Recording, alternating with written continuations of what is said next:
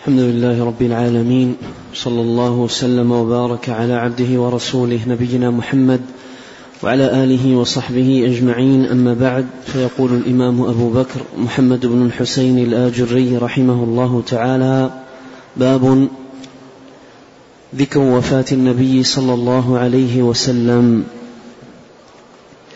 قال حدثنا أبو أحمد هارون بن يوسف التاجر قال حدثنا محمد بن أبي عمر قال حدثنا بشر بن السري قال حدثنا حماد بن سلمة عن ثابت عن أنس رضي الله عنه قال والله ما رأيت يوما أضوأ ولا أنور ولا أحسن من يوم دخل علينا محمد صلى الله عليه وسلم ولا رأيت يوما أظلم ولا أقبح من يوم مات فيه رسول الله صلى الله عليه وسلم. قال وحدثنا أبو القاسم عبد الله بن محمد بن عبد العزيز البغوي قال حدثنا عبيد الله بن عمر القواريري قال حدثنا جعفر بن سليمان قال حدثنا ثابت عن أنس رضي الله عنه قال لما قدم رسول الله صلى الله عليه وسلم المدينة أضاء منها كل شيء فلما مات أظلم منها كل شيء. بسم الله الرحمن الرحيم. الحمد لله رب العالمين. وأشهد أن لا إله إلا الله وحده لا شريك له وأشهد أن محمدا عبده ورسوله صلى الله وسلم عليه وعلى آله وأصحابه أجمعين. اللهم علمنا ما ينفعنا وانفعنا بما علمتنا وزدنا علما وأصلح لنا شأننا كله ولا تكلنا إلى أنفسنا طرفة عين. أما بعد قال المصنف باب ذكر وفاة النبي صلى الله عليه وسلم. هذا آخر الأبواب التي عقدها الإمام الآجري رحمه الله تعالى فيما يتعلق بنبوة نبينا عليه الصلاة والسلام. وقد نوع في الأبواب من حيث مبعثه ومن حيث أيضا ذكر الخصائص خصائص النبي الكريم والفضائل التي فضله الله سبحانه وتعالى بها إلى أن ختم بهذا الباب فيما يتعلق بوفاة النبي عليه الصلاة والسلام وهي مصيبة من أعظم المصائب. وكان لوقع وفاته عليه الصلاة والسلام وطأة شديدة على نفوس الصحابة رضي الله عنهم. وكان هذا النبأ فاجعة عظيمة تألمت القلوب وحزنت النفوس وتأثر الناس تأثرا عظيما لنبأ وفاته صلوات الله وسلامه وبركاته عليه. قال باب ذكر وفاة النبي صلى الله عليه وسلم. وكان ذلك في السنة العاشرة للهجرة في شهر ربيع الأول في يوم الاثنين. ولما توفي ما كاد كثير من الناس أن يصدق ذلك بل بعضهم شكك في ذلك ومنهم من كذب بهذا الأمر حتى جاء صديق الأمة ونظر إلى النبي عليه الصلاة والسلام وقبل ما بين عينيه ثم خرج وخطب خطبته العظيمة رضي الله عنه وأرضاه من كان يعبد محمدا فإن محمدا قد مات ومن كان يعبد الله فإن الله حي لا يموت وفي هذه الترجمة ساق المصنف رحمه الله تعالى بعض النصوص بدأها بهذين الحديثين عن أنس آه، مبينا رضي الله عنه عظم وقع مجيء النبي عليه الصلاة والسلام إلى المدينة ونبأ دخوله إليها في أول مهاجره عليه الصلاة والسلام وأن ذلك اليوم كان يوم إشراق وإضاءة ونور لأن النبي عليه الصلاة والسلام جاء جاء يحمل النور المبين والضياء والحق والهدى. ولهذا يقول ما رأي يقول أنس ما رأيت يوما أضوأ ولا أنور ولا أحسن من يوم دخل علينا محمد. صلى الله عليه وسلم المدينة. وفي الرواية الأخرى قال المدينة لما قدم رسول الله صلى الله عليه وسلم المدينة أضاء منها كل شيء. أضاء منها كل شيء. المقصد من ذلك أن المدينة أشرقت بنور الرسالة وضياء الحق والهدى وكون ما جاء به عليه الصلاة والسلام بدأ يسري في الناس فأشرقت المدينة وأضاءت بمقدمه عليه الصلاة والسلام. يقول ما رأيت يوما أضوأ ولا أنور ولا أحسن من يوم دخل علينا محمد صلى الله عليه وسلم أي المدينة.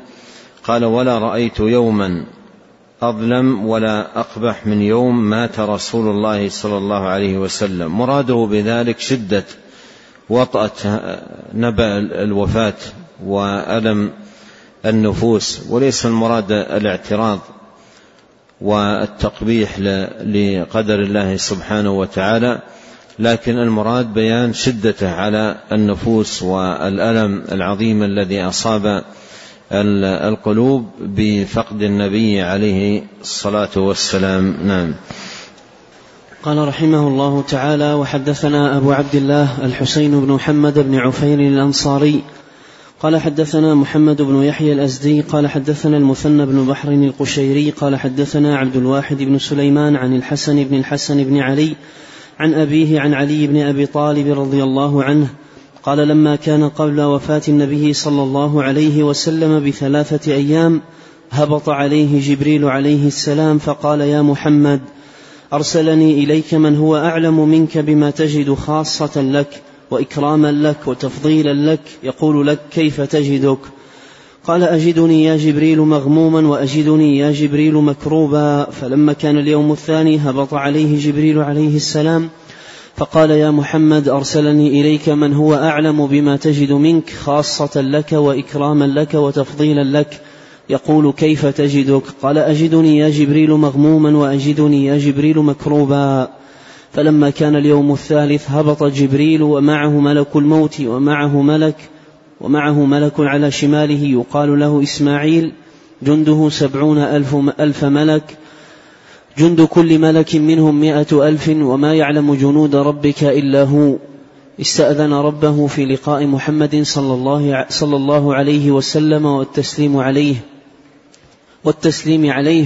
فسبقهم جبريل عليه السلام فقال السلام عليك يا محمد. أرسلني إليك من هو أعلم بما تجد منك خاصة لك وإكراما لك وتفضيلا لك. يقول لك كيف تجدك؟ قال أجدني مغموما وأجدني مكروبا. قال واستأذن ملك الموت. فقال جبريل يا محمد هذا ملك الموت يستأذن عليك. واعلم أنه لم يستأذن على أحد قبلك ولا يستأذن على أحد بعدك. قال أذن له يا جبريل. قال فدخل فقال السلام عليك يا محمد. أرسلني إليك ربي وربك عز وجل وأمرني أن أطيعك فيما تأمرني به. إن أمرتني أن أقبض نفسك قبضتها وإن كرهت تركتها. قال وتفعل ذلك يا ملك الموت؟ قال بذلك أمرت يا محمد. قال فأقبل عليه جبريل فقال يا محمد إن الله عز وجل قد اشتاق إليك وأحب لقاءك. فأقبل النبي صلى الله عليه وسلم على ملك الموت فقال امضي لما أمرت به. فقبض رسول الله صلى الله عليه وسلم. فسمعنا قائلا يقول وما نرى شيئا في الله عزى من كل هالك. في الله عزاء. في الله عزاء من كل هالك وعوض من كل مصيبة وخلف من كل ما فات. فبالله فثقوا وإياه فارجوا فإن المحروم من حرم الثواب. نعم. أورد رحمه الله تعالى هذا الحديث عن علي بن أبي طالب رضي الله عنه في ذكر نبأ وفاة النبي عليه الصلاة والسلام. ومجيء جبريل عليه السلام بذلك. وهذا الحديث الذي ساقه رحمه الله تعالى لا يصح لا يصح ولا يثبت عن النبي الكريم عليه الصلاة والسلام. وفي هذا الإسناد الذي ساقه المثنى مجهول وأيضا شيخه عبد الواحد مجهول. والألباني رحمة الله عليه أورد هذا الحديث في السلسلة الضعيفة وذكر له بعض الطرق ونص على أنه موضوع في رقم خمسة آلاف وثلاثمائة وأربع وثمانين وأيضا في المتن نكارة ويخالف أحاديث صحاح ثابتة فيها أن النبي عليه الصلاة والسلام قبل وفاته بوقت كان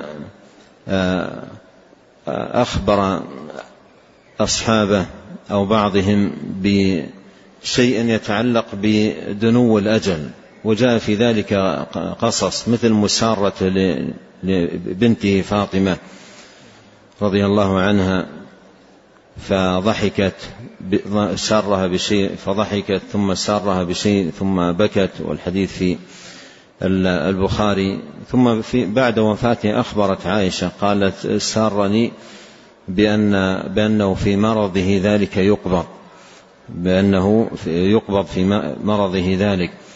وأيضا الحديث الذي حديث أبي سعيد في الصحيحين في ذكر أن النبي صلى الله عليه وسلم قال وهو يخطب إن عبدا خيره الله سبحانه وتعالى بين لقائه أو الدنيا أو كلام هذا معناه فاختار لقاء الله سبحانه وتعالى فبكى أبي بكر. فعرفنا أن النبي صلى الله عليه وسلم هو المخير يعني بعد وفاة النبي عليه الصلاة والسلام. وجاء في هذا المعنى أحاديث والحاصل أن هذا الحديث حديث علي الذي ساقه المصنف رحمه الله تعالى حديث لا يثبت. نعم. قال محمد بن الحسين رحمه الله تعالى قد رسمت في كتاب فضائل النبي صلى الله عليه وسلم ووفاته وغسله وكيف صلي عليه ووقت دفنه وكيف وكيف الصلاة عليه بعده وثواب من صلى عليه حالا بعد حال. ونذكر بعد هذا فضل أصحابه رضي الله عنهم الذين اختارهم الله عز وجل له أصهارا وأنصارا ووزراء. وهم المهاجرون والأنصار رضي الله عنهم ونفعنا بحبهم. نعم يعني يشير إلى أنه بهذا يكون انتهى ما يتعلق بفضائل النبي. عليه الصلاة والسلام وأنه في الأبواب التي بعده سينتقل إلى ذكر فضائل الصحابة عموما ثم تفصيلا في ذكر فضيلة كل صحابي على حدة بما تيسر له من جمع لذلك. نعم. قال محمد بن الحسين رحمه الله تعالى بلغني أنه لما دفن النبي صلى الله عليه وسلم جاءت فاطمة رضي الله عنها فوقفت على قبره فأنشأت تقول أمسى بخدي للدموع رسوم أسفا عليك وفي الفؤاد كلوم والصبر يحسن في المواطن كلها إلا عليك فإنه مذموم لا عيب في حزني عليك لو أنه كان البكاء لمقلتي يدوم. تم الجزء الثالث عشر الثالث عشر من كتاب الشريعة بحمد الله ومنه وصلى الله على محمد النبي وآله وسلم. يتلوه الجزء الرابع عشر من الكتاب إن شاء الله وبه الثقة. نعم هذه الأبيات ذكرها آه، رحمه الله تعالى منسوبة إلى فاطمة وأنها أنشأت ذلك حين وقفت على قبره وأنشأت هذه ال ال أنشأت هذه الأبيات. ولا تصح نسبة هذه الأبيات إلى فاطمة بل لم أرى من نسبها إليها في الكتب المصنفة المسندة وغير المسندة إلا الآجري رحمه الله وغفر له في كتابه الشريعة. وذكرها هكذا بلاغا قال بلغنا. والبلاغ إن كان من تابعي أو تابع تابعي لا يحتج به من أقسام الضعيف. فكيف بمن هو في القرن الرابع؟ حيث توفي رحمة الله عليه 360 يقول بلغنا أن فاطمة. فهذا لا يحتج به ولا يصح أن تنسب هذه الأبيات إلى فاطمة رضي الله عنها. وفي أيضا مضامين الأبيات أشياء منكرة مثل الاستثناء الاستثناء في الصبر. والصبر يحسن في المواطن كلها إلا عليك. هذا الاستثناء غير صحيح. بل هذه مصيبة عظيمة ومطلوب فيها الصبر مثل سائر المصائب. بل هي من أعظم المصائب وأشدها. فما يصح أن فاطمة رضي الله عنها تستثني هذا الموطن أنه لا يكون فيه صبر أو لا يطلب فيه الصبر ورأيت في كثير من المصادر وخاصة التي تتعلق بالشعر والأدب رأيت هذه الأبيات تنسب إلى محمد بن عبيد الله العتبي من ذرية عتبة بن أبي سفيان وكان من أعيان الشعراء. ووجدته أيضا في بعض المصادر تنسب إلى رجل صوفي يقال له سحنون بن حمزة الخواص. ولم أرى إطلاقا فيما وقفت عليه من المصادر ورجعت إليه ولا سيما الآن مع أجهزة البحث التي تساعد على الوقوف على الكثير من المراجع. لم أرى من نسب هذه الأبيات إلى فاطمة. إلا آه، الآجري رحمه الله تعالى. ولا يصح أن تنسب إلى مثل هذه المعاني إلى إلى إلى فاطمة آه، رضي الله عنها.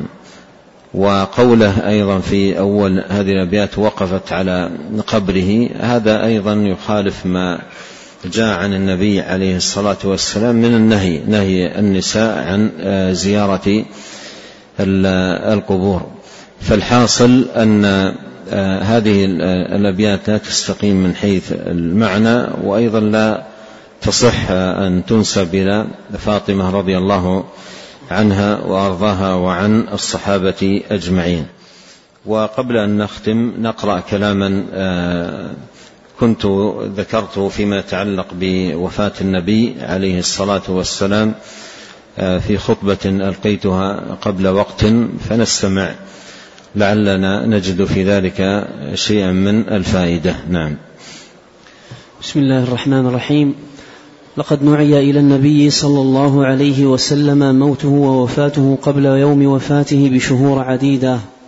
ففي شهر رمضان الذي هو آخر رمضان صامه عليه الصلاة والسلام عارضه جبريل بالقرآن مرتين وقد كان يعارضه في القرآن في كل رمضان مرة واحدة. فقال عليه الصلاة والسلام ولا أراني إلا قد حضر أجلي. ثم في حجة الوداع لما حج النبي صلى الله عليه وسلم في أوسط أيام التشريق نزل عليه قول الله تعالى إذا جاء نصر الله والفتح ورأيت الناس يدخلون في دين الله أفواجا فسبح بحمد ربك واستغفره إنه كان توابا.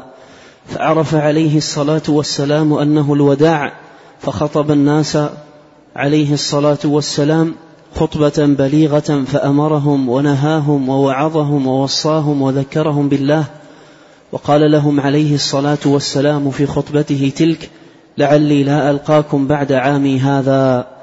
وأخذ يودع الناس فعرف ذلك العام بعام الوداع وعرفت تلك الخطبة بخطبة الوداع لأن النبي صلى الله عليه وسلم ودع الناس فيها.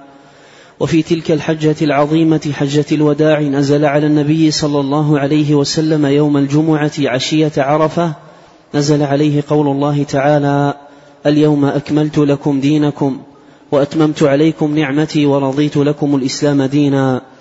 ولم ينزل بعد هذه الآية حلال ولا حرام إلا أن قبض عليه إلى إلى أن قبض عليه الصلاة والسلام. فهي آية نزلت مشعرة بدنو أجل النبي صلى الله عليه وسلم ومبينة إلى أن مهمة البلاغ قد قام بها صلى الله عليه وسلم على التمام والكمال فما ترك خيرا إلا دل الأمة عليه ولا شرا إلا حذرها منه. فتركهم على محجة بيضاء وطريقة واضحة غراء ليلها كنهارها لا يزيغ عنها بعده إلا هالك. تركهم على دين كامل وعقيدة وافية وعبادة تامة وأخلاق كاملة. فتمم الله عز وجل به الدين وأكمله وما ترك خيرا إلا دل الأمة عليه ولا شرا إلا حذرها منه. ثم رجع صلى الله عليه وسلم وقفل إلى المدينة وفيها قبض صلى الله عليه وسلم. قبض عليه الصلاة والسلام في بيته في حجرة عائشة رضي الله عنها وبين سحرها ونحرها. وفي سنن أبي داود بإسناد صحيح أن عمر والمغيرة بن شعبة رضي الله عنهما لما قبض رسول الله صلى الله عليه وسلم استأذنا على عائشة رضي الله عنها فأذنت لهما بالدخول فدخلا فلما رأى عمر رضي الله عنه رسول الله صلى الله عليه وسلم وقد مات نظر إليه فقال وغشياه ما أشد غشي ما أشد غشي رسول الله صلى الله عليه وسلم. وكان رضي الله عنه يظن أن رسول الله صلى الله عليه وسلم قد غشي عليه ولم يمت. ثم توجه إلى الباب خارجا ليعلم الناس بالخبر ليعلمهم بما ظهر له وهو أن النبي صلى الله عليه وسلم غشي عليه ولم يمت. ولما وصل على الباب هتف به المغيرة فقال يا عمر مات رسول الله صلى الله عليه وسلم. فقال عمر رضي الله عنه إن رسول الله صلى الله عليه وسلم لا يموت حتى يفني الله عز وجل المنافقين. ثم جاء أبو بكر رضي الله عنه ودخل على رسول الله صلى الله عليه وسلم وهو مسجى ببردته.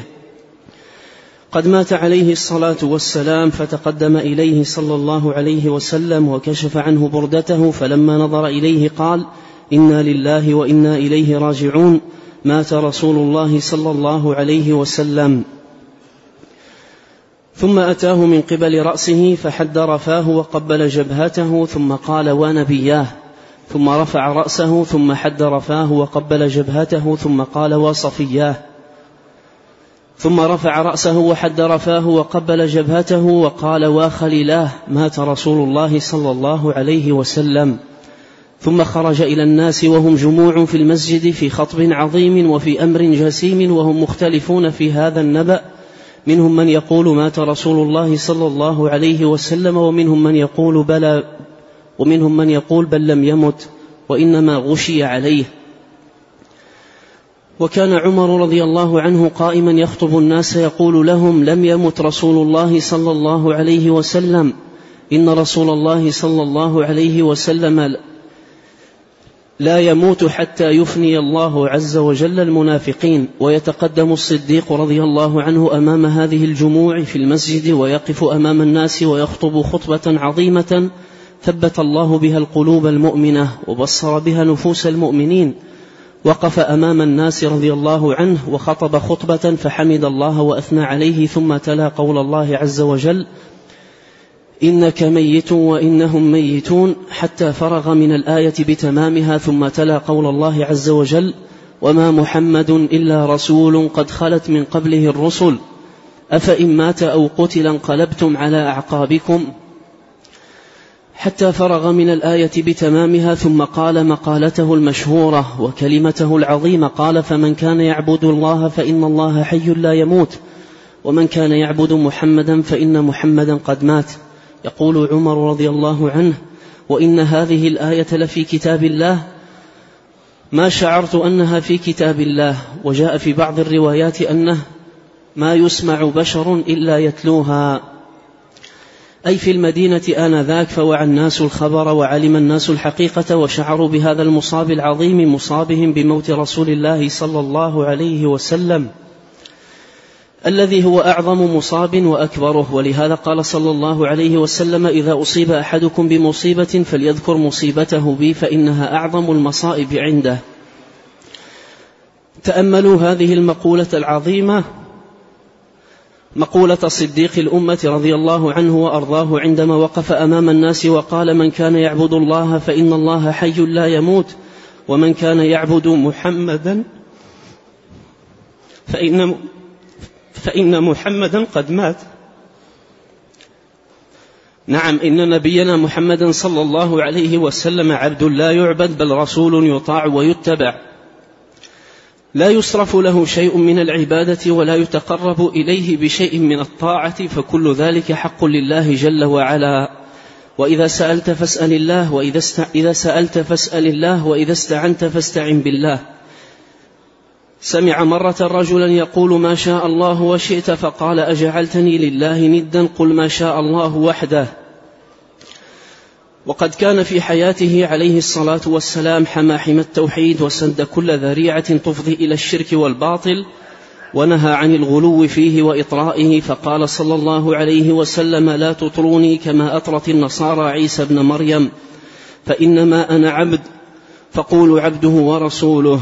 وما ومن يقول ما أمر به عليه الصلاة والسلام يخلص من آفتين عظيمتين وزلتين خطيرتين ألا وهما الغلو والجفاء والإفراط والتفريط.